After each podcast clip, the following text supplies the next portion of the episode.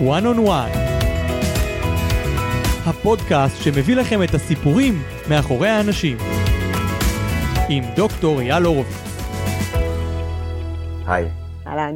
אני מארח את אה, עורכת הדין עינת ברקוביץ' לשיחה בנושא קריירה ונושאים אחרים. תודה רבה שהגעת. תודה רבה על מאוד. מעריך. השאלה הראשונה שלי, יש לי בן בן 12 וחצי. והוא אומר לי, אני רוצה להיות כמו אבא. אני אומר לו, מה הכוונה? הוא אומר לי, אני רוצה להצליח כמוך. אז אני אומר לו, זה מורכב. אתה בן 12 וחצי, אבל אתה צריך כבר היום להתחיל ולשאוף. אז הוא אומר לי, מה זה שאיפה? אז אני מתחבר איתו טיפה על קריירה, ואיך מגיעים, ומה עושים.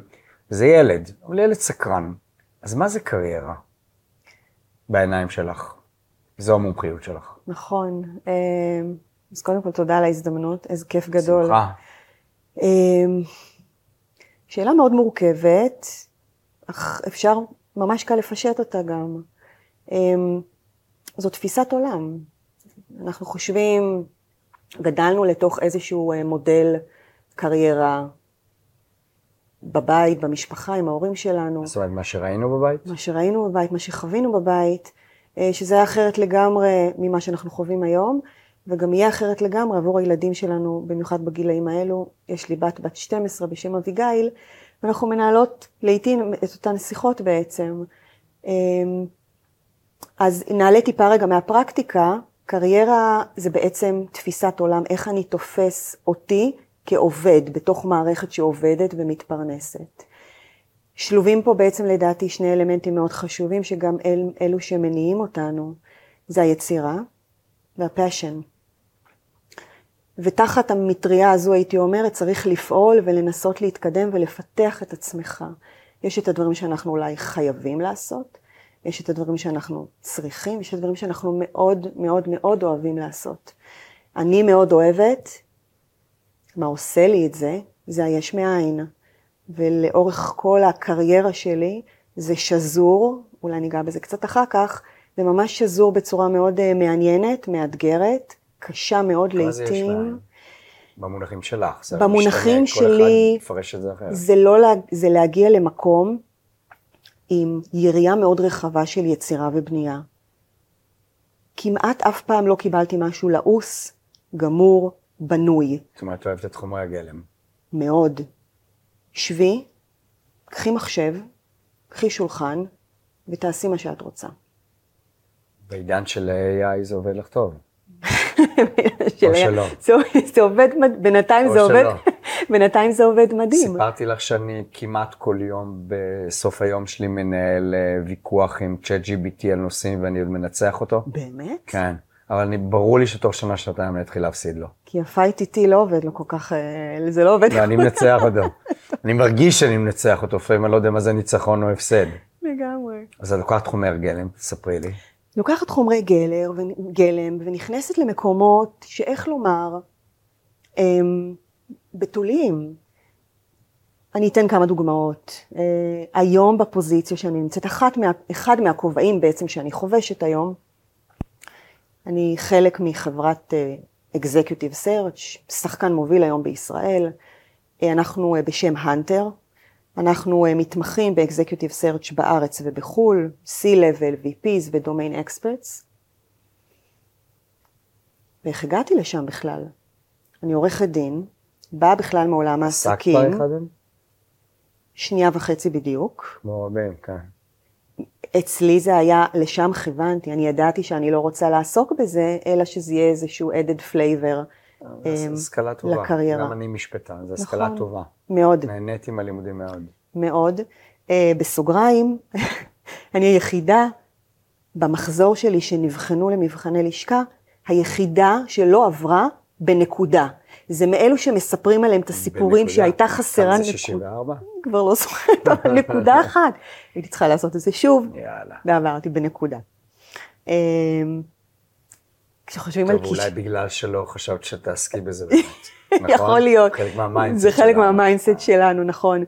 אמ, באתי בכלל מעולם העסקים, הייתי גם יזמת, אה, איתור טאלנטים או איתור בכירים, זה לא היה במסלול הקריירה המסורתי, נקרא לזה, שלי. אחד הדברים שגרמו לי ממש לארוז מזוודה, סוג של וללכת על זה, אמ, זה היצירה.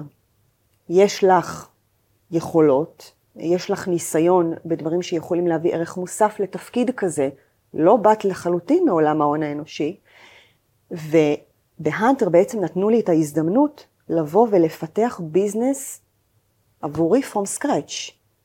זה חלום. שזה תפיסת עולם מעניין של ארגונים גם, של הארגון עצמו. ולכן, הוא מאפשר לאנשים את החופש הזה. בתור מישהי שנתקלת, זה חלק מקריירה נכון להיום? מה חלק מקריירה? שארגונים כבר מבינים שהם צריכים לתת את החופש לעובדים שלהם לפתח בעצמם, ולא רק לכוון, להורות יש. ולהנחות.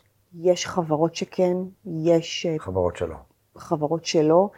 אני חייבת אה, לציין, זו זכות ומתנה אדירה, אה, שאיפה שאני נמצאת היום, באנטר, זה goes without saying, זה ה-DNA של החברה, ולכן גם המרקם האנושי שם הוא מאוד מאוד ייחודי, למשל לחברות אקזקיוטיב סרצ' אחרות. יש שם ביזנס אונר שמגיעים מעולם העסקים, פחות מעולם ההון האנושי המסורתי, יודעים לבנות עסק, יודעים לייעץ בקבלת החלטות. זה מה שאנחנו עושים. אני לא, לא מאיישת תקנים, לא מסדרת לאנשים עבודות, אני מייעצת לך כלקוח בקבלת החלטה מאוד משמעותית, ומייעצת למועמדת או למועמד למה נכון לו לעבור מקום אחר. כי אנחנו בעצם מגיעים לאנשים שכבר עובדים, ומשכנעים אותם למה נכון להם לקריירה לעשות את המעבר. נדרשת פה יכולת, הסתכלות מאוד רחבה על תהליכים בחיים, ולכן הרבה פעמים זה יושב על מוטיבציה. למה אתה בכלל פתוח להזדמנויות? מה מבחינתך תהיה התחנה האולטימטיבית הבאה, ולא חשבת עליה בעצם עד שהרמתי אליך טלפון ואיתרתי אותך. רגע, את גורמת לי שנייה לחשוב. טוב לי? נכון לי? אני בכלל מכוון למשהו אחר ואני במקרה נמצא פה. זה הרבה food for thoughts בתהליך הזה אל מול המועמדים, מועמדות ואל מול הלקוחות. לקוח שרוצה X, ובתהליך מבין, רגע, זה לא באמת מה שאני צריך? בואו נפצל תפקידים, בואו נגייס בכלל בחו"ל ולא בארץ. יש מישהו שחשב לפתוח פה מרכז פיתוח, ביחד הבנו, רגע, באירופה עדיף לפתוח את זה.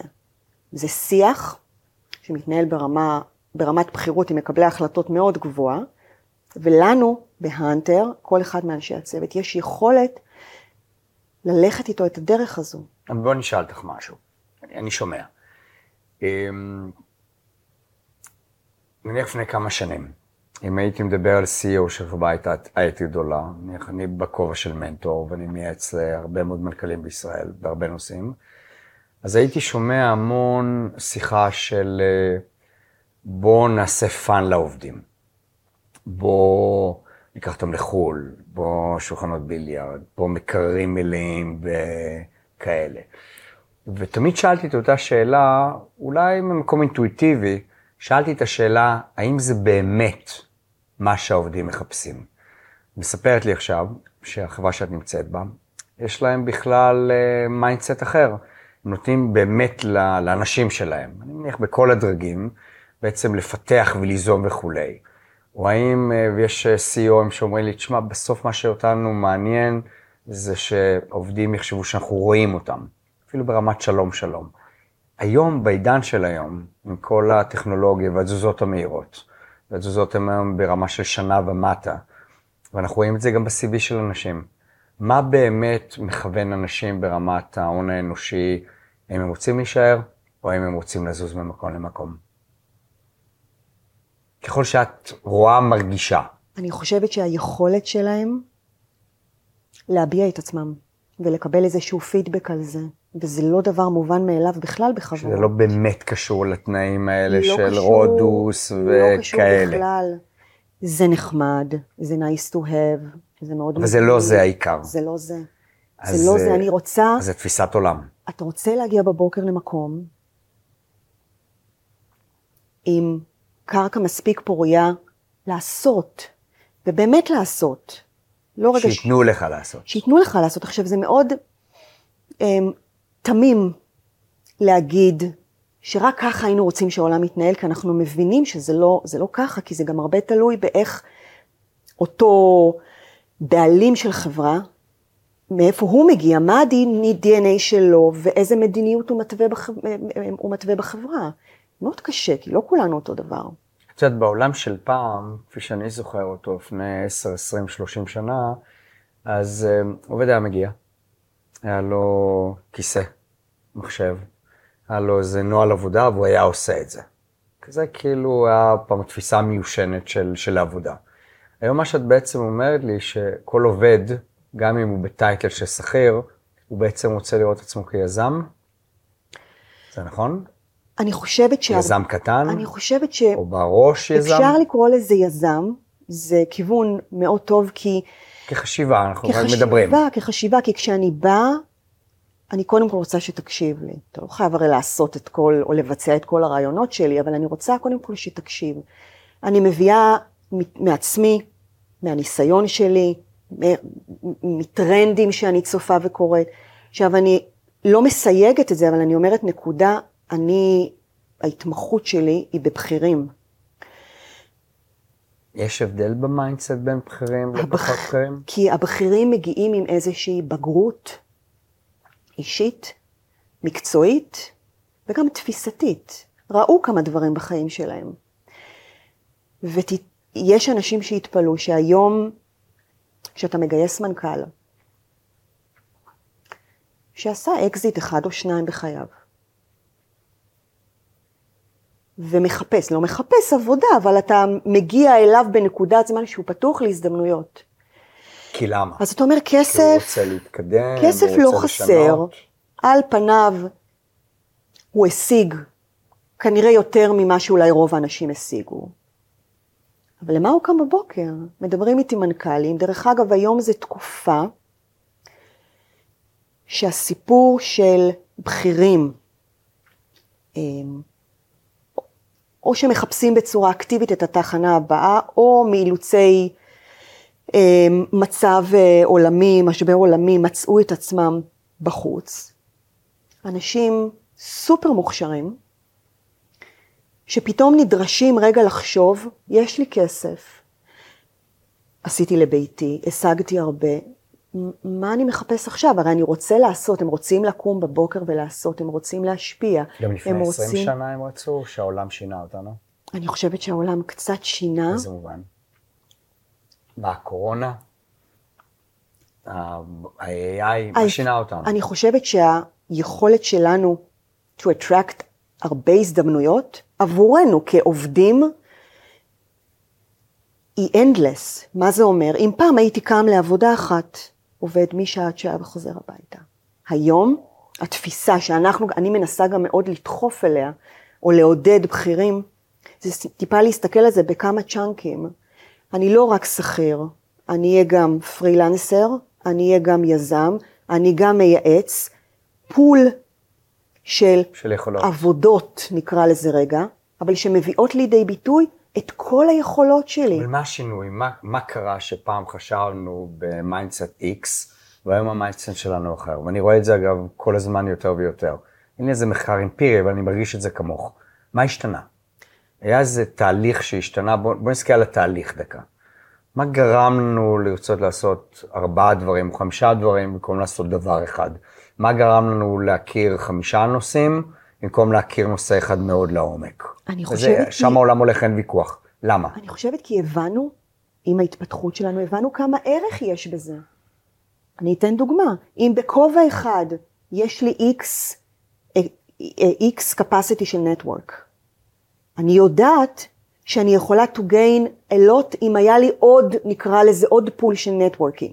אז אני רוצה לפעול גם בכובע הזה וגם בכובע הזה. ניתן דוגמה שאולי טיפה יותר תסביר. אחד היתרונות בלחבוש כמה כובעים, זה גם היכולת לעשות כמה דברים במקביל, לבדוק ולמדוד את הדופק של עצמך, איך אתה עושה כמה דברים במקביל שהם יכולים להיות שונים ודומים.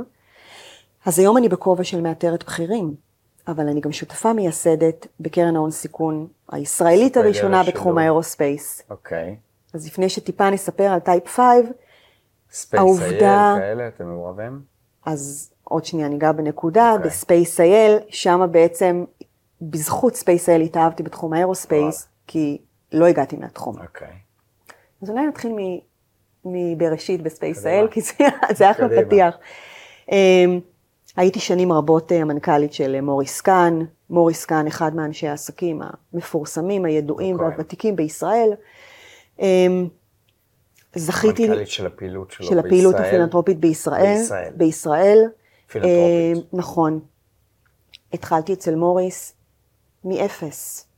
איך הגעת לשם? זה המגישת קפה של המגישת קפה, ככה קראו לזה פעם. אוקיי. ככה של- הגעת לשם? לא, הכרתי עוד כשהיו, אתה דיברת על תהליכים, פרסמו מודעה בעיתון. אתה לא תאמין. באמת? שהשותף של מוריס מחפש זה מסגיר את הגיל שלנו, מודעות בעיתון. מודעה בעיתון. שהשותף שלו מחפש uh, personal assistant או chief of staff, כבר לא זוכרת איך קראו, הלכתי להיבחן, לא קיבלו אותי, אוקיי. ואז בעצם מוריס קרא לי, וככה בעצם התחיל. באמת? הגעתי אחרי, ה... סיימתי את מבחני הלשכה, לא ידעתי אפילו מי זה. לא ידעתי מי זה. אפס ידע, אפס נטוורקינג, חוץ ממי גר לידי ב... ברחוב. ברחוב, מעבר לזה כלום. התחלתי, ואני זוכרת שאחרי תקופה מסוימת, ממקום, עוד פעם, ממקום של יש מאין ורצון ליצור, אני ידעתי, אני הולכת למנכ"ל את הקרן. אני לא יודעת תוך כמה שנים, אני לא יודעת, ביום שקיבלו אותך בכלל להיות... אני לא יודעת. מה אני אעבור בדרך, אבל לשם אני מכוונת. אוקיי. אז זאת המלצה. עבדתי מאוד מאוד קשה. אחרי כמה שנים גם הקמתי מחלקת ביזנס דיבלופמנט שמעולם לא הייתה קיימת בתחום הזה בישראל. כמו פילנטרופיה? בדיוק. למה? מתוך מקום של למה אותו בן אדם, במקרה הזה מוריס, יישא בכל העול הפיננסי לבד, איגום משאבים. איתו. הגיוני. יש בזה הרבה יתרונות. גם רגשית יש לזה המון יתרונות. המון המון זה כמו יתרונות. שאת רוצה לעשות שותפות עם מישהו ואת לא מוכנה להשקיע כסף, רגשית, קשה לו לצד השני עם זה. מאוד. אפשר להבין את זה מאוד. מאוד. גם אם זו השקעה קטנה. אני מסכימה. אז באתי עם הרעיון הזה. היו. הרבה, הרימו הרבה גבות, כי לא היה לי שום ניסיון בגיוס כסף. אז אחרי הצלחות אה, קטנות וגדולות אה, בתפקיד, הכרתי בעצם את פרויקט SpaceIL, שהוא היה אה, פחות או יותר רעיון על מפית, בחיתוליו. אה, בחיתוליו. כמה לפני עשר שנים, שלושה, שמונה משהו שנים, כזה, נכון? של שלושה קצת יזמים. מכיר, כן. מופלאים, באמת מופלאים, עם רעיון מדהים. למי, למי שמהשומעים שלנו לא מכיר את הנושא המדהים הזה, שגם עשה הצלחה מטורפת, נכון? לפני איזה שנתיים, אם אני לא טועה. ספרי קצת על היזמים שם ב SpaceIL, מה, בהקשר של קריירה, מה הוביל אותם, מה ניהל אותם, מה היה הרעיון. אני חושבת שקודם כל הרעיון היה, זה בעצם לבנות את ה- first spacecraft to the moon בשם ישראל, ולהפוך אותה למעצמה. השביעית, בדיוק. נכון. אה, כן, שלושת ישראל לא הייתה שם. כן. נכון, נכון. עדיין. אה, ושלושת היזמים, אה, יריב, כפיר ויונתן, באו עם רעיון פורץ דרך, עם הרבה מאוד תעוזה של זה מה שאנחנו רוצים לעשות, גם, מה היה הרעיון פורץ? גם לבסס? אה, אה, אה, מבחינה טכנולוגית של איך בעצם לנו יש את היכולות של לשלוח לשם את כזו חללית, אבל יותר מזה, הרצון היה גם לייצר פה את אותו אפקט אפולו שהיה בעצם בארצות הברית. זה בעצם מה שהניע אותם, מה היה היה הרעיון סביב... פורץ הדרך? היה מה בטכנולוגיה, בגודל? לא זוכר מה היה היו. שם כמה אלמנטים, גם במרחק, אבל בעיקר היה, הרעיון היה, או הפיצוח היה, זה לעשות שם איזושהי קפיצה, הופ, שלא הייתה עד אז, הרבה, היו, היו הרבה ספקות לגבי זה, הרעיון היה של היזמים בעצם של הפרויקט של Space.il. אמ, הסוף של הפרויקט, תלוי גם איך מסתכלים, אני מסתכלת עליו כהצלחה אה, לא מבוטלת, למרות שבסופו של דבר התרסקה שם אה, החללית. אמ,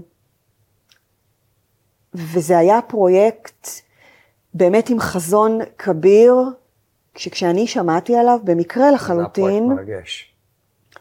לקחתי את מוריס ביד, literally, ואמרתי לו, אתה חייב לקחת ownership על זה, בוא נעשה מזה national project.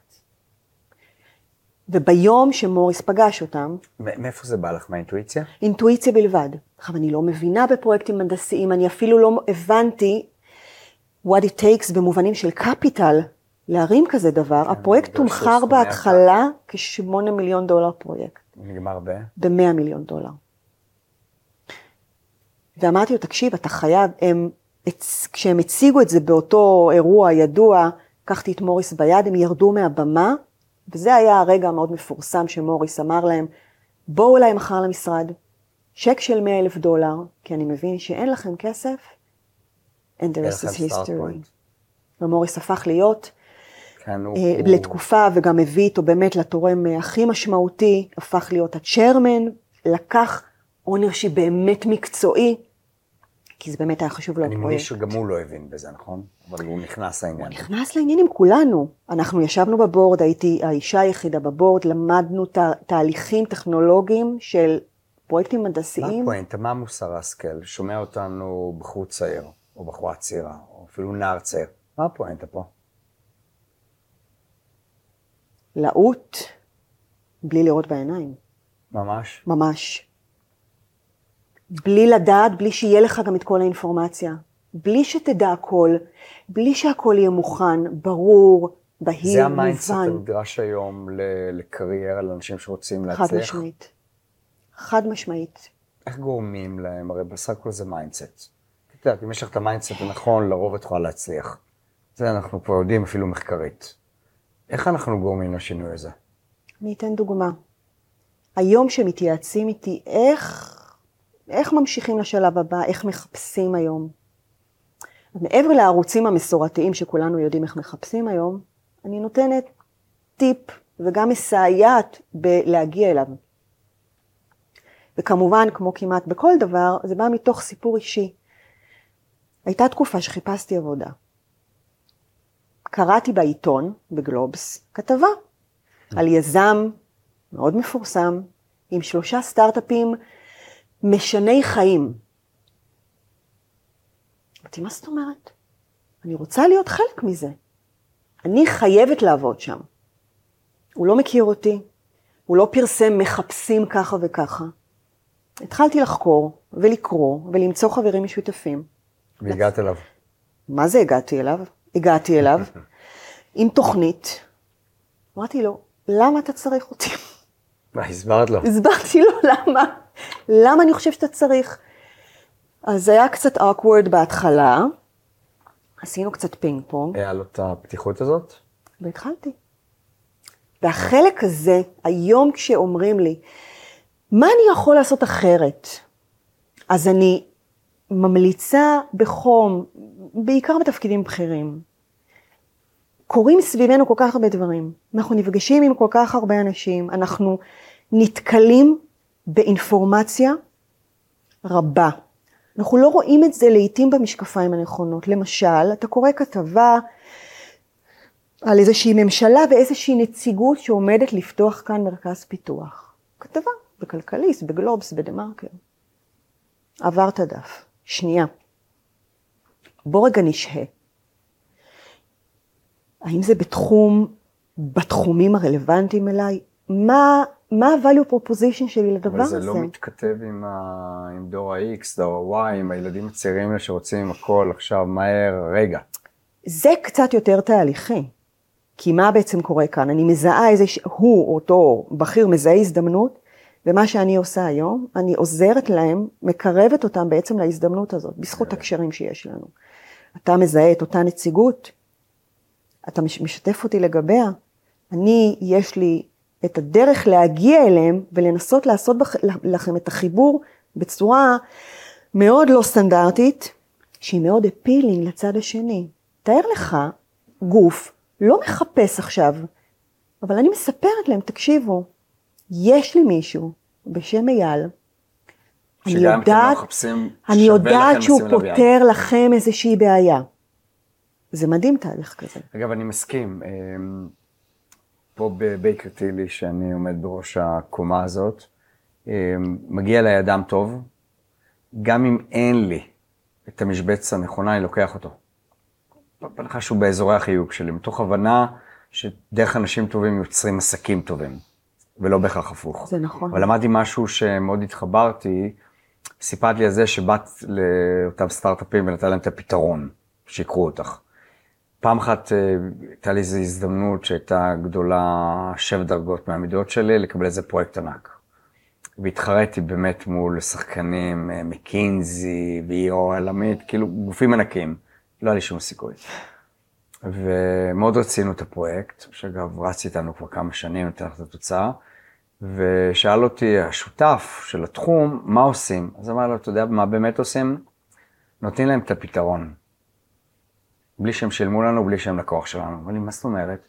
אמרתי, אתה לוקח את האנשים שלך, אתה עובד חודש, אתה עושה להם מצגת ברמת PhD, ואתה נותן את הפתרון. לא על ה-11 פינות, שתי פינות. וכך היה.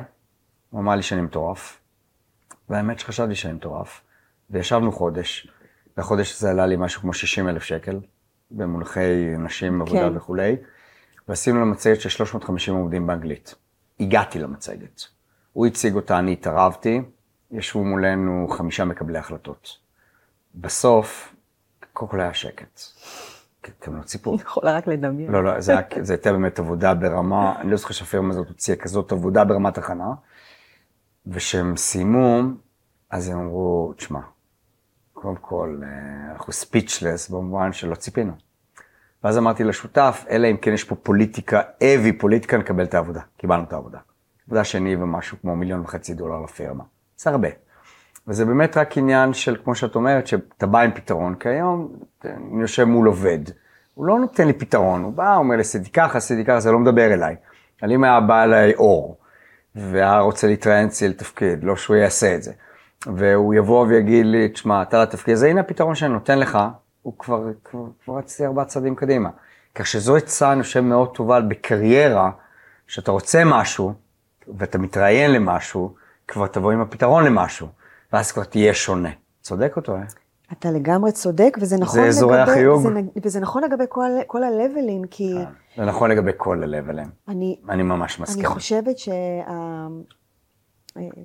שהקדמה וההתפתחות שלנו גם כבני אדם היא... אני, אני אגיד משהו, אני חושבת שאנחנו לא יכולים להרשות לעצמנו לפעול אחרת. אני כשסיימתי את התקופה שלי אצל מוריס, ויצאתי לחמש שנים כיזמת, הייתה לי יזמות בתחום ה-AI, והיה לי ניסיון של שנתיים לגייס קרן הון סיכון עם יפנים בתחום הגיל השלישי. כן. תחום מדהים, מדהים. יש הרבה מה להגיד עליו, קריירה ווייז, ביפן. וביפן, ביפן, שזו תרבות. וזה לא הצליח בסופו של דבר, אבל המסע הזה של החמש שנים מדהים. הביא אותי לנקודה שאמרתי, לא משנה מה אני אעשה הלאה בחיי, אני רוצה לפעול בכמה ערוצים, אני רוצה לטעום, אני רוצה להרגיש שאני עושה כמה דברים אחרים. הסיפור של קרן טייפ 5, שזו בעצם קבוצת השקעות הישראלית הראשונה בתחום החלל בישראל, האנשים שאנחנו פועלים איתם, עובדים איתם, שהם חלק מהצוות פה והצוות בחו"ל, זה ה mindset שלהם. אנשים שהבאנו גם עוד לפני שאתה בכלל מפגיש אותם עם כסף, גם עוד לפני שאתה בכלל מפגיש אותם עם, עם, עם, עם נגיד equity בחברות ובכלל עם הסכמים. הגענו למצב, מבחינת ה positioning של Type 5 היום, שאנשים רוצים, הם כמהים to be associate עם Type 5, בזכות המקום שהגענו אליו. כי זה מקום מאוד ייחודי בתעשייה מאוד ייחודית, בטח בישראל שהולכת ל privatization של התחום הזה בכל השנים האחרונות. אמ, אז טאלנטים גם בתחום הזה של ה aerospace וה deep-tech, והיכולת שלהם, אתה יודע, להגיע למקום שלנו בצורה שהיא לא קונבנציונלית, כל הסיפור הזה זה להיות לא קונבנציונלי, לחשוב אחרת היום. אמ, זה מביא אנשים למקומות מאוד מעניינים. אז זה המסר שלנו. זה המסר. אמ, המסר שלנו לאנשים שרוצים להתקדם בקריירה, לא משנה באיזה לבל, לא רק C, נכון? נכון. תביאו ערך, תראו מה היעדים שלכם, תכוונו לשם ותספרו על זה ברעיונות העבודה שלכם. כי זה מה שיבדל אותך, זה נכון? נכון. אני אתן נכון? עוד דוגמה עוד בשורה. יותר חזקה. כן, היום שאני מתקשרת לאנשים במשרות בכירות, כן. אני רוצה להציע אותם לאיזה פרויקט בחו"ל. כן, ייעוץ. כן. הדבר הראשון שהרבה אומרים, רגע, רגע, את באת לצוד אותי? אומרת, לא, אני רוצה שתהיה רגע פתוח, כי תראה כמה אתה יכול להרוויח אני מזה. בא לעזור לך. זה עוד דוגמה זה מאוד מעניינת. אני פעם בשנה, יש אה, נוהג בבייקר טילי, יש פה 80 איש, שאני יושב איתם רבע שעה, רבע שעה לפעמים 20 דקות. אני לא מדבר איתם על משכורות וזה, זה נמצא מתחתיי, אם לא אוהב ולא מעניין אותי. ומה אני עושה ב-20 דקות? אני לומד את האדם, אבל לא דרך זה שהוא עושה מאזנים יותר טוב, פחות טוב, זה אני גם לא... אלא אני מנסה להבין טיפה. ואז ב-20 דקות האלה, כל מה שאנחנו משוחחים זה מה הוא רוצה, לאיפה הוא רוצה ללכת, מה הוא רוצה לשנות, איך הוא מתקדם. אין אחד שלא יוצא מפה, כולל אותי אגב, שאומר וואו על ה-20 דקות, אני לא עושה שום דבר. מה שכן אני עושה, זה אני באמת מנסה להזיז אותו, כי אני חושב, וזה מה שאנחנו מדברים. אנחנו מנסים לקחת את האנשים בראי העולם שאנחנו נמצאים בו היום, ולהזיז את הקריירה שלהם. עכשיו, כולנו נסכים על זה, שאם האדם לא יזיז את הקריירה שלו, אז הוא לא יזוז. אותו אחד שאומר לך, באת לצוד איתי, הוא מקובע. אם היית מתקשרת אליי, הייתי אומר לה, אחלה, דברי. לא משנה מה המצבים הזה, הייתי נכון, עף על זה, זה הזדמנות. נכון, נכון. זה עניין של, של בסוף זה עניין של mindset, זה ה- הבי שלנו. נכון. זה להגיד, קודם כל כן, קודם כל כן. קודם כל, כן. שזה אגב סופר חשוב. ורוב האנשים אומרים קודם כל לא. את יודעת, לכולנו מתקשרים בטלפון, נכון? כל מיני כאלה. מלא. כל הזמן, נכון? הזמן. אני הרבה לא עונה. אבל כשאני עונה, אני נותן את הכבוד לצד השני. משני טעמים. א', יושב שם אדם בצד השני. נכבד אותו, נכון? נכון. וחוץ מזה, אולי יהיה משהו מעניין שם. אז ה-you can never know הזה, ה-you בדיוק. never- יש, אתה יודע, לכולנו, אני בטוחה ממש. שיש סיפורים עם לקוחות You בחיים, can never know הזה הוא נורא שאותה חשוב. שיחה, באותה פגישה, נכון. ובאת להגיד לו שעזוב, אני מאחר, אני לא מגיע, אני מבטל, והיה טמון בזה הרבה. לאיפה אנחנו הולכים בעולם של אה, מיומנות? מה הסקיל שנדרש מאיתנו עוד שנה, עוד שנתיים, עוד שלוש, וכולם מדברים על זה. שיש מקצועות שיכחדו, אני פחות מאמין בזה, אבל כנראה שאנחנו בסוג של מהפכות כל הזמן, שהטווחים מתקצרים. שאת מדברת שיחה one on one עם מישהו, לך, מה נדרש ממני? מה נדרש מאיתנו? קודם כל, ההתאמה שאלה מורכבת, היא מאוד וגדולה מאוד. מורכבת, מאוד מורכבת. אני הייתי מתחילה, אם אנחנו למשל מדברים על התעשייה, על, על, על, על תעשיית ההייטק, קודם כל התאמה לטכנולוגיה, ורגע שנייה ניגע בכל הסיפור של AI, אנחנו מאמינים, לא מאמינים. זה שזה כבר כאן, וזה שזה הולך להתפתח בצורה מטאורית, אנחנו רואים את זה, הכתובת על הקיר. אמ, טוב לנו? זה טוב, זה טוב לנו במובנים מסוימים, אני מניחה שבמובנים אחרים פחות. כל הנושא של לייתר מקצועות, זה, זה כבר קורה, זה לא משהו שאנחנו, זה, האם זה ייתר את הכמות המשרות שטוענים? אני לא יודעת להגיד, זה אה, קטונתי, אבל מה שאני כן יכולה להגיד, היום אני רואה אותם אלו שלא יודעים לעשות בזה שימוש, כאן יכול להיות שיהיה אתגר מסוים. למשל, מי שלא ידע להתנהל, לתחזק, hand in hand, אם נקרא לזה, עם AI, זאת תהיה בעיה. לא עניין של יחליף, לא יחליף. למה? כי אם לשם הולך העולם, העולם כבר שם, ויהיו תהליכים שלמים, חברות שלמות, אמ, פעילויות שונות שהן יהיו רק תחת אותה טכנולוגיה, אם אני רוצה להיות שם, או אפילו אני נאלץ להיות שם כי כל התעשייה הזו החליפו באלמנטים של AI, אני חייב לדעת לעבוד עם זה. לא שיחליף אותי כן או לא, אני חייב לדעת לעבוד עם זה. והיום, כשאתה מאתר אנשים בתעשייה הזו, או תעשיות דומות, היכולת שלך ללמוד מהר, כי הקצבים שם הם מאוד מהירים, בניגוד לתעשיות אחרות, הקצבים מאוד מהירים. קח למשל את האזור של ה deep-tech, ש... ש... שנדרש המון כסף בתהליכי מחקר מאוד ארוכים, הקצב מעט שונה. aerospace זו דוגמה פנומנלית לזה. אבל AI, אנחנו כבר רואים, זה, זה מתקדם בקצב... הם מדברים על דורות של אה, פחות משנה. זה מתקדם בקצב מטורף. עכשיו, אני חייבת לשתף, היום חבר'ה צעירים, דווקא לא בכירים, מזהים את זה, כנראה אולי גם הרבה יותר מהר מאיתנו, עוזבים את הכל, הרבה פעמים של מה שהם עושים באותו רגע, מקצוע שהם למדו או באמצע לימודים, ועושים סוויץ' לתוך העולמות האלה, בין אם זה Data Scientist, בין אם זה AI או Generative AI, לעולמות האלה הם אומרים, רגע, אני מבין, עכשיו הכל ברור לי, זה מה שהולך להיות, אני רוצה... כמקצוע או ככלי עזר? תשמע, הם יתחילו ככלי עזר, ככל שהם יתאהבו ויגלו שיש להם passion לעסוק בזה, הם יעסקו בזה כנראה הרבה מאוד שנים. אבל... אני אגיד לך מה התזה שלי, mm-hmm. ומיד ניגע במיומנויות, כי לא הגענו, לא נגענו בהן. אני רואה במערכות האלה ככלי עזר מאוד מאוד משמעותי. אחד, שמקצר הליכים. דהיינו, דברים שהיה לוקח לך מלא זמן, היום את יכולה לעשות חיבורים מאוד מהירים, ובשעתיים שלוש לעשות מה שעשינו בשלושה ימים, ולכן זה כלי עבודה מאוד מאוד חשוב. אני חושב שהוא אה, גם מאפשר לך אה, לקחת, לקחת את עצמך למקומות הרבה יותר רחבים, אם אתה יודע לעשות בזה שימוש. מצד שני, אני חושב שזה לא מחליף אנשים, לפחות לא בטווח שאני רואה. זאת אומרת, אחת מהשאלות שאני מתווכח עם ה-chat GPT, למשל, אני שואל אותו שאלה כמו, האם לדעתך, אני שואל את המערכת, mm-hmm. מקצוע עריכת הדין התייתר? אז הוא אומר לי לא. אז אני מתחיל לחפור איתו, למה לא? אנחנו מנהלים שיח, שיח, בסוף הוא מכניס אותו ל loop, נגמר. אבל בהבנה שלי, אה, את רואה את עצמך יושבת מול, אה, מול מכונה, ומבקשת, בלי שיח עם אדם, שיאבחן לך איזשהו כאב, איזושהי מחלה שאת חוששת ממנה.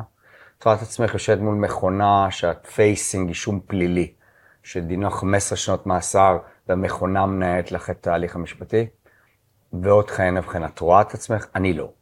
לא בטווח הנראה לעין. למרות שיש מחקרים שאומרים שהמכונה עונה 85% יותר מרופאים, נכון. את הכל קראתי. אגב, זה יכול להיות נכון, אבל יש משהו בשיח. יש משהו באמפתיה, יש משהו גם בידע, זה גם שאלה גדולה אחרת שאני לא רוצה לחפור בה עכשיו, לא נצא ממנה, שאנחנו עדיין רוצים את המגע האיש, כי אנחנו כן. אנשים, כי אנחנו אנשים. למגע יש ערך, אנחנו, והמכונה לא, לא תעשה לנו, לא, לא תחליף אותנו. לא תוכל לעשות את זה לדעתי. מה דעתך בעניין הזה? מה דעתך על התזה הזאת שלי, לפחות בטווח של ה-15 שנים. אז השתמשת במילה מדהימה בעיניי, שאני משתמשת בה לא מעט, אה, לאפשר, להיות enabler לדברים שקורים. החלל זה enabler למה שקורה פה על הקרקע. הרבה אנשים לא מבינים את זה, כי כשאתה מדבר חלל, זה סופר חשוב אתה ומעניין. אתה אומר, מה, זה Star Trek, זה התיישבות במאדים, זה לשלוח אה, אה, מעליות, אולי. יש תזות שאומרות ועוד... שיש מלא יקומים שאנחנו לא מכירים עם מלא חיים. שאנחנו לא רק היו, לא רק האנשים, הם, הם חלל כאילו, כנראה יש דברים שאנחנו לא יודעים. אז כן. יש, יש תז, תזות ומחקרים על זה, שזה מעניין לדעת אם זה נכון או לא. כן, אתה צודק. לא, את אמורה לדעת יותר כן, ממני. פחות מדברים על זה, אבל... אבל יש, כאילו יש כן. יקומים שלמים. ומוטציות שונות, גם אנחנו בסוף מוטציה ואבולוציה, ש... שאנחנו לא יודעים. אנחנו כאילו חושבים שאנחנו הכל, אבל אנחנו עוד נקודה קטנה בחלל ענק. נכון. זה כל... גם כן מסקרן אם יום אחד, עוד אלפי שנים, פתאום מתגלה שהאדם זה היה בתחתית, בתחתית השרשרת בכלל. נכון. יש דברים הרבה יותר גדולים מאיתנו. יש לזה מחקרים מאוד משמעותיים. יש מחקרים משמעותיים. מאוד. אחד מהם, דרך אגב, פרופסור אבי לייב. אה, באמת? אחד הפרופסורים הידועים יושב, בהר... יושב בהרווארד וכתב את הספר המפורסם חוצן. הוא חוקר שם לעומק, הוא היה גם אה, אורח שלנו בטייפ 5 בוועידה באמת? האחרונה. אז קלטתי, אה, ב... מאוד, קלטתי אה, בטעות. אז כן, אז הוא מדבר בגדול על תפיסה מאוד ייחודית שיש שם הרבה. הרבה מעבר למה שאנחנו חושבים. גם הממשל, הפדר... הממשל האמריקאי הפדרלי מדבר על אנחנו זה. כאנשים כנראה לא נוכל להגיע לשם. אלא אם כן, אנחנו נשפר את היכולות תנועה שלנו והטכנולוגיה שלנו. נכון, יש עניין של מרחקים, יש עניין של מרחקים מהשמש. נכון. יש מקומות שאנחנו פשוט לא יכולים להגיע באמצעים שאנחנו לפ- נמצאים היום. אבל עוד לפני זה, אוקיי. יש שם משהו עצום שיכול לסייע לנו, לחיים, פה על, ה, על הקרקע. עכשיו, למה אנייבלר? אז בעצם אנחנו מאוד אה, לא מתקדמים, אני חושב שאנחנו מתקדמים. אולי אנחנו מאוד לא מתקדמים. לא, כלומר, אנחנו- בענווה, כן. יכול להיות שאנחנו חושבים שיש לנו האטום וטכנולוגיה ו- ואוטונומיה, ובסוף אנחנו כלום. יש לנו פשוט עוד דרך באופן מאוד... יחסי, נכון, על שרשרת הבנצ'מארק יש לנו דרך, יש לנו דרך מאוד אפילו ארוכה. לא התחלנו, יש דרך מאוד מאוד ארוכה, ו... לא התחלנו את התהליך. ו... למרות שאנחנו אלפי שנים בתהליך. נכון, וכמו שאנחנו אומרים בטייפ 5 לא מעט, מי שלא ישכיל להבין שהוא חייב לרתום לעצמו, הפעילות של החברה שלו, פרמטרים שקשורים באירוספייס, ככל שאנחנו נתקדם וככל שיעברו השנים, תהיה פחות יכולת לפצח הרבה אתגרים טכנולוגיים שאתה רוצה לעשות. את יודעת מה עכשיו, אנחנו אומרים פה? שה business הזה שאת מומחית בו הוא timeless. הוא timeless, כי הוא בעצם תמיד יש שם, תמיד היה שם, הוא פשוט זז עם הקדמה והאבולוציה וההשתנות שאנחנו רואים סביבנו. אמרת, זה רק, נכון לא? אמרת רק התחלנו. רק התחלנו. הרי לקח דוגמה. כל הסיפור של הענן, של ה cloud, שנכנס בנקודה מסוימת, ובזכות כל מה שקורה בחלל, יש פה התאפ...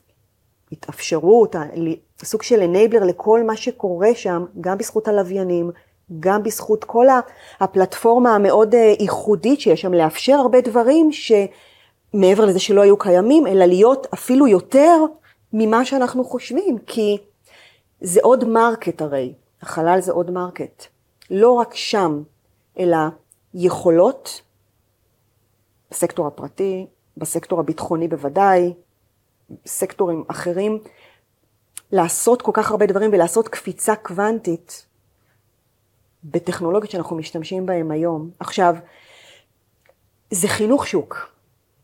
בסייבר אתה לא צריך חינוך שוק, באגריטק אתה לא צריך חינוך שוק, וגם לא בפינטק. וכשאתה מדבר עם אנשים על aerospace, והם באמת חושבים Star Trek, אתה אומר, רגע, יש הרבה דברים בחלל, אם אתה תופס את זה ככלי, שאתה כאן נוגע. יש חברות, היום, לא מעט חברות, שבעצם פועלות בדואליות, יש להם dual usage למוצר. ברור לך שזה רק השאלה מתי.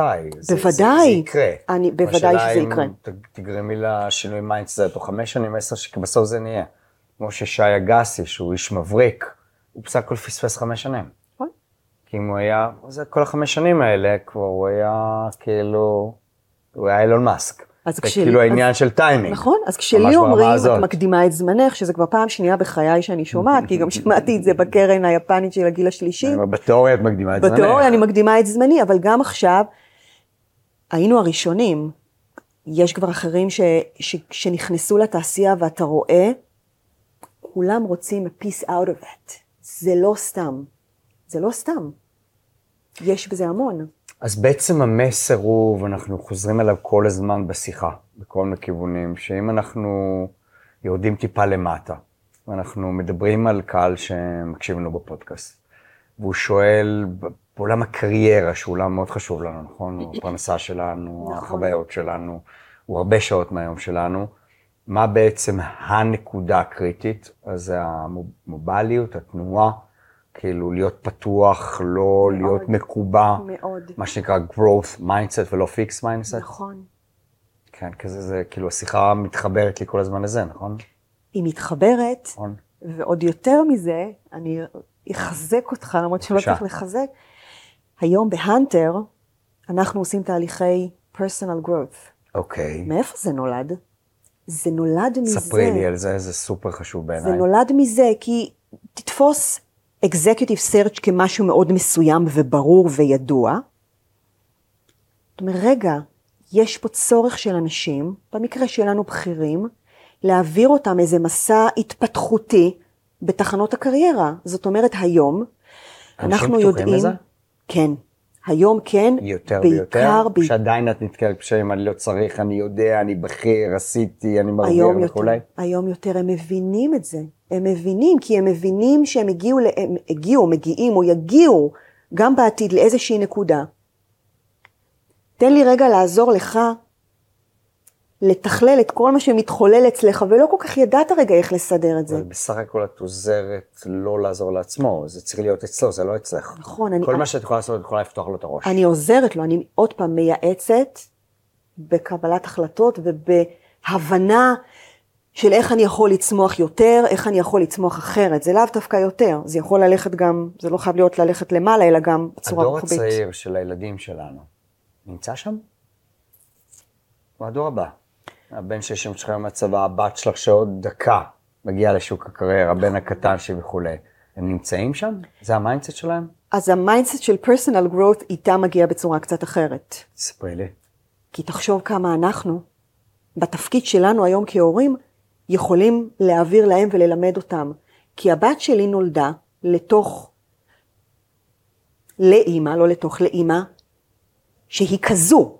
היא לא הכירה אימא אחרת, היא מכירה אימא שעובדת.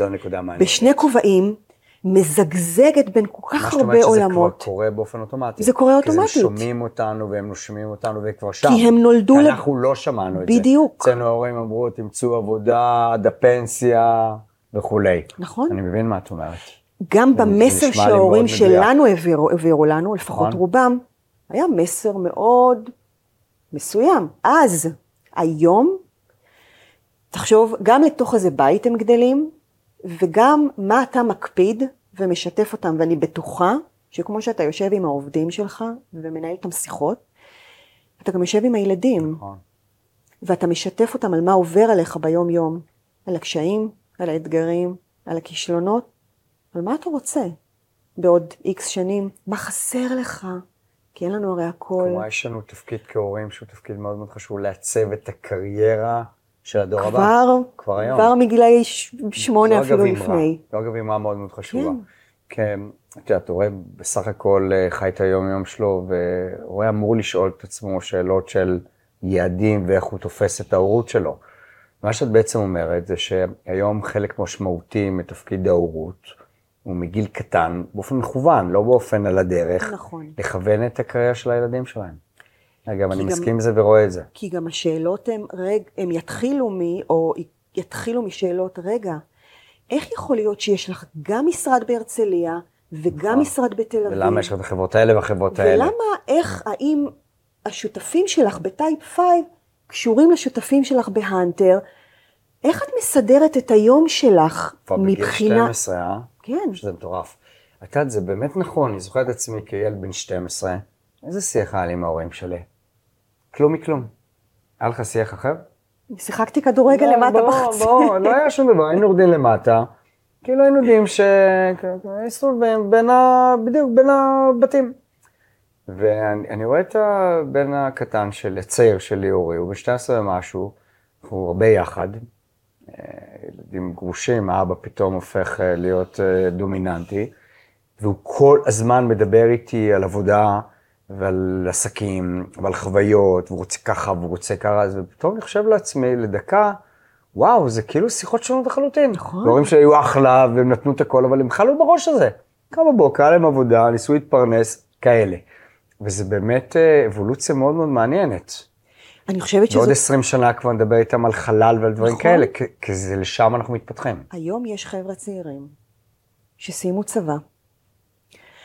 אתה זוכר מה, אתה זוכר מה המסלול הקונסרבטיבי של. אחרי צבא? צבא, היום, לימודים, אה, לא, כאלה. אז לא, היום פותחים עסק. נכון, הולכים נכון. ופותחים עסק.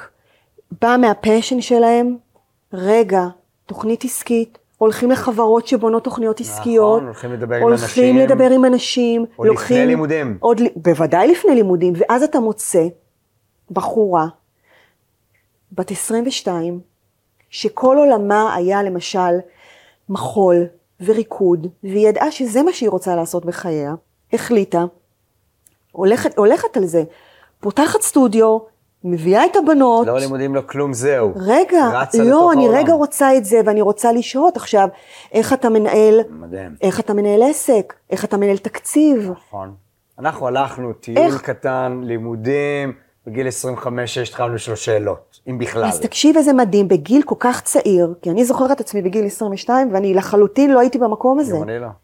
רק חיפשתי שמישהו יקבל אותי ללימודים, ורצתי לתוך הלימודים. אז זה, כשאנחנו מדברים על קריירה ועולם התעסוקה, כמו שאתה מבין, הם, יש יתרון וזכות מאוד גדולה להיוולד עכשיו, נגיד, או, או לא להיוולד, לחיות בתקופה הזאת, כי הם מבינים דברים, זה מאוד מובן מאליו שהיא הולכת להקים עסק ולא הולכת רגע במסלול הרגיל. זאת אומרת, יותר פרקטיקה ופחות אקדמיה? כן. אבל האקדמיה מגיעה בסוף? היא כי מגיע- knowledge הוא knowledge. כן, היא מגיעה, אה, היא יכולה להגיע כסייד אפקט, כי, כי אני לא אלך ללמוד את מה שאני הכי רוצה אה, לעשות, אבל אני אלך, למשל, אותה בחורה, עכשיו תלך לעשות אה, תואר במנהל עסקים. למה מנהל עסקים? זה מאוד מתחבר, מה שהיא כבר עושה. מה שהיא כבר עושה. היא אומרת, אבל רגע, אני לא יודעת הכל, רק התחלתי, אני רוצה קצת כלים, אני רוצה, אני רגע רוצה רגע להבין מה זה אומר מנהל עסקים. בגדול זה כמו האקזקוטיב הישנים של ה-MBA, שלקחו אנשים עובדים כבר, והכניסו אותם לתוכניות, אבל התנאי היה שאתה כבר בא ממקומות כאלה, אתה שותף נכון. פה, עובד שם וכולי, בגדול. וזה יורד, תשמעי. אבל האקזקוטיבי ה-MBA פעם היה בגיל 40, היום מה שאת אומרת שהוא כבר בגיל 21. חד משמעי, היא תפיסה... זה אגב תפיסה זה- סופר מעניינת. זה מטורף בעיניי, זה זו מטורף. תפיסה סופר מעניינת. בקיצור, יש באמת שינוי עצום, עצום, שהוא הרבה יותר עמוק ממה שאנחנו רואים. עצום. זאת אומרת, השינוי הוא לא המוביליות של מעבר ממקום למקום, זה באמת שינוי מאוד מאוד עמוק. תקשיב, היום אתה רואה יזמים בגילאים של בית ספר, בגילאי חטיבה, בגילאי תיכון. זה לא היה. זה לא היה. גם החברים הכי מוכשרים שלנו והכי... לא, לא היה לנו את זה בכלל ב mindset. זה מגיע, תראי, אני הייתי עצמאי בגיל 10 וזה היה אחרת. כן, זה היה אבל עצמאות אחרת. אחרת אולי. כן, ב mindset אחר. אבל להעז, אומץ, יש פה כל כך הרבה אומץ. בכלל להעז בקריירה זה אנקדוטה. שאת, זה must. זה must, זה must. לא את העזת, אבל את, בעולם שלך, שאת מדברת דווקא עם אנשים שעברו הרבה, הם מעיזים, או שהם נדבקים לכיסא? תראה, זה מאוד עניין של DNA, של... אני יכולה לעשות הרבה כדי להזיז אותם בכיסא ולתת להם כלים. בסוף זה שלהם. בסוף זה שלהם. אבל נניח, יושב אדם בכיסא, ואת uh, מדברת איתו, כי באמת את חושבת שיהיה נכון לו להתחיל לחשוב על ה-next stage.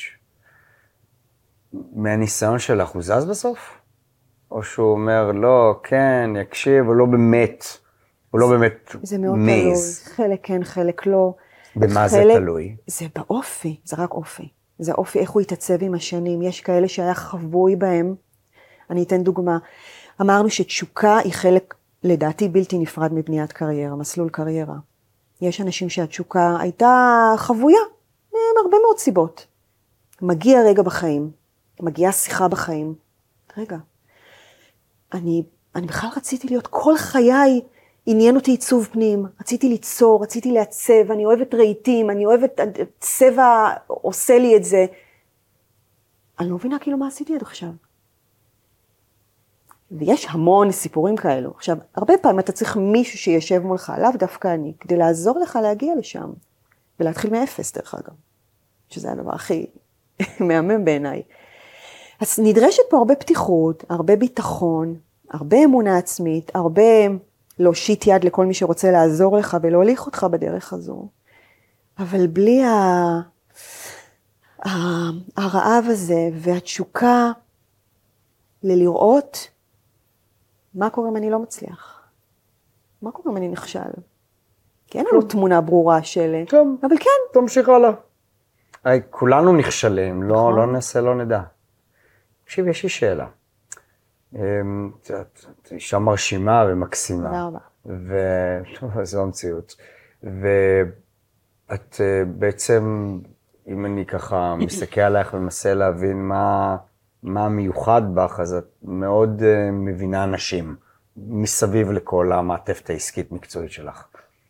את משתמשת בדיגיטל כחלק מסל המוצרים שאת עובדת איתם? דהיינו, את מאמינה שדיגיטל עובד יחד עם אנשים, וזה קריטי שהוא יעבוד?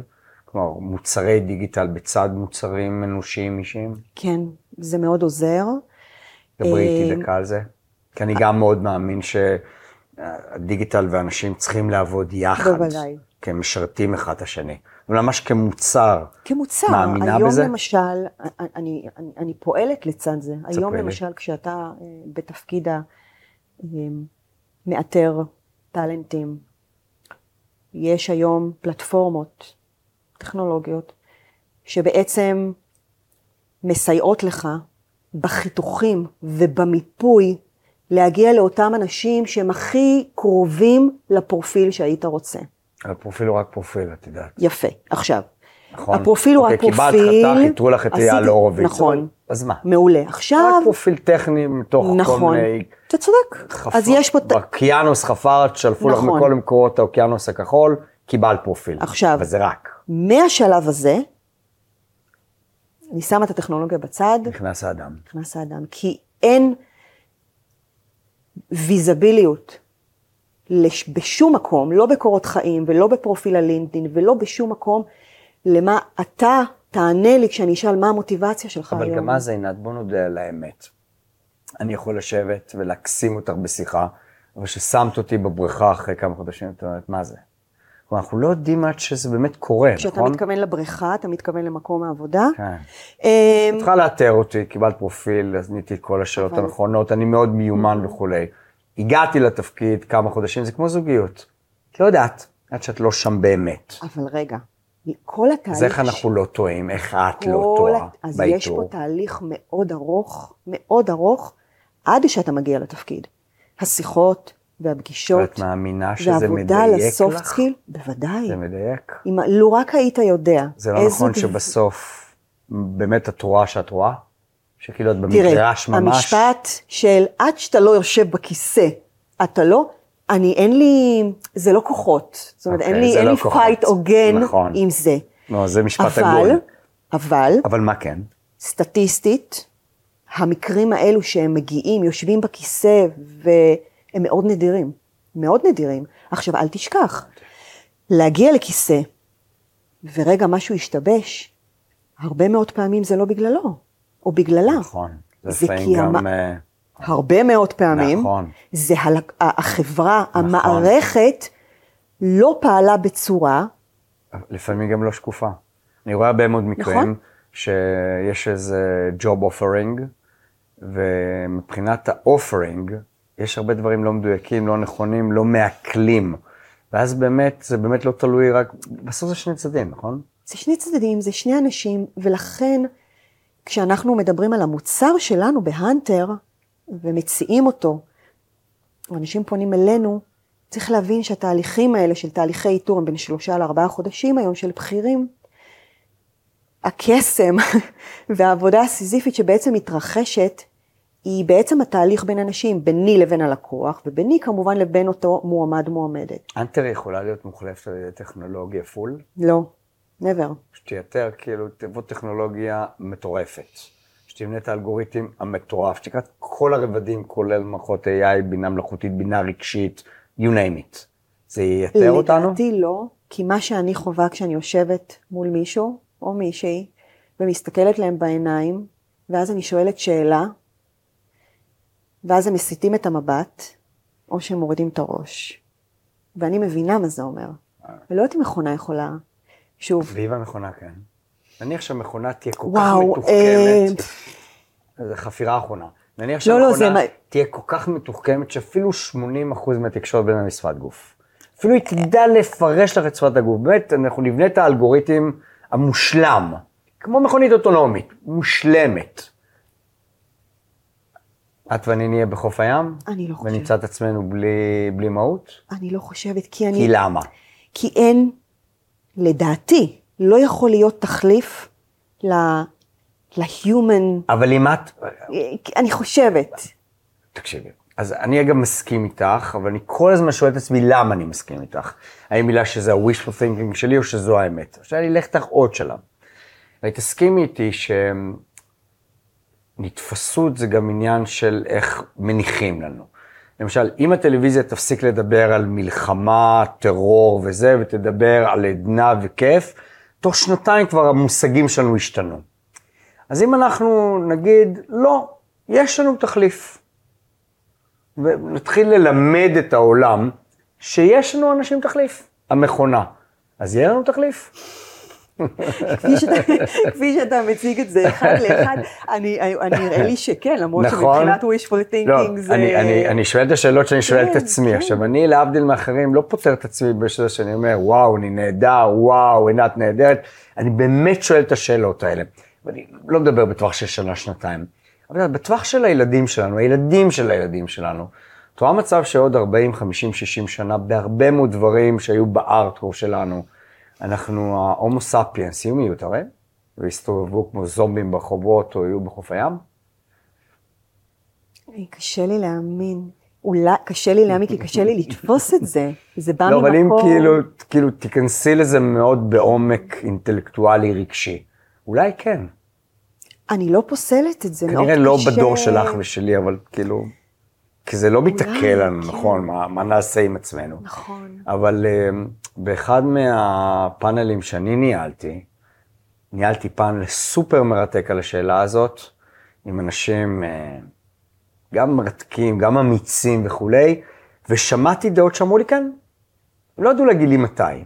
לא ידעו להגיד לי עוד 20 שנה, זה ברור שזה לא יהיה בשנתיים הקרובות, או עוד 30 שנה, עוד 100 שנה, אבל כן, היו אנשים ששרטטו איזשהו וקטור רעיוני, שעוד 100 שנה, אנחנו אנשים נגרום לעצמנו להיות מיותרים. זה מאוד מעניין. אני... נגרום לעצמנו להיות מאוד מיותרים. מיותרים במובן מפחיד. מאוד. אימה, סרט אימה, סרט אימה. לא, תחשבי על זה, שאם אנחנו נגרום לעצמנו להיות מיותרים, אז למה נקום בבוקר? זו התודעה נכון, שלנו. נכון. אם אנחנו לא נקום בבוקר כדי לעבוד, לדבר ולגעת ולהצטלם ולהיות בעלי משמעות, בשביל מה נקום בבוקר? והמפחיד בזה זה שאנחנו יצרנו את זה. ואנחנו זה יצרנו לא את מישהו זה. שהנחית עליך את הסיטואציה. וזה נקודה שאינטלקטואלית סופר מעניינת אותי, אני בורח ממנה בפרקטיקה, כי אני רוצה להיות פעיל, להצליח כמו כולנו בקריירה. אבל זו נקודה שהיא בעיניי אה, סופר אה, מעניינת. תודה רבה. One on One, הסיפורים מאחורי האנשים עם דוקטור אייל הורוביץ, ה-CEO של פירמת ראיית החשבון בייקר טי לישראל, אחת מפירמות ראיית החשבון הגדולות בישראל וחלק מרשת בינלאומית. בנוסף, אייל משמש כמנטור לבעלי עסקים ובעלי חברות בארץ ובעולם. את הפודקאסט אפשר לשמוע בכל אפליקציות הפודקאסטים, גוגל, אפל, ספוטיפיי ועוד, וכמובן, באתר האינטרנט שלנו, one on one. במידה והפודקאסט מצא חן בעיניכם וקיבלתם תובנות, אתם מוזמנים לשלוח אותו גם לחברים שלכם, שגם הם ייהנו. שאלות, בקשות, הערות והערות, נשמח לשמוע ולקבל באתר האינטרנט של הפודקאסט.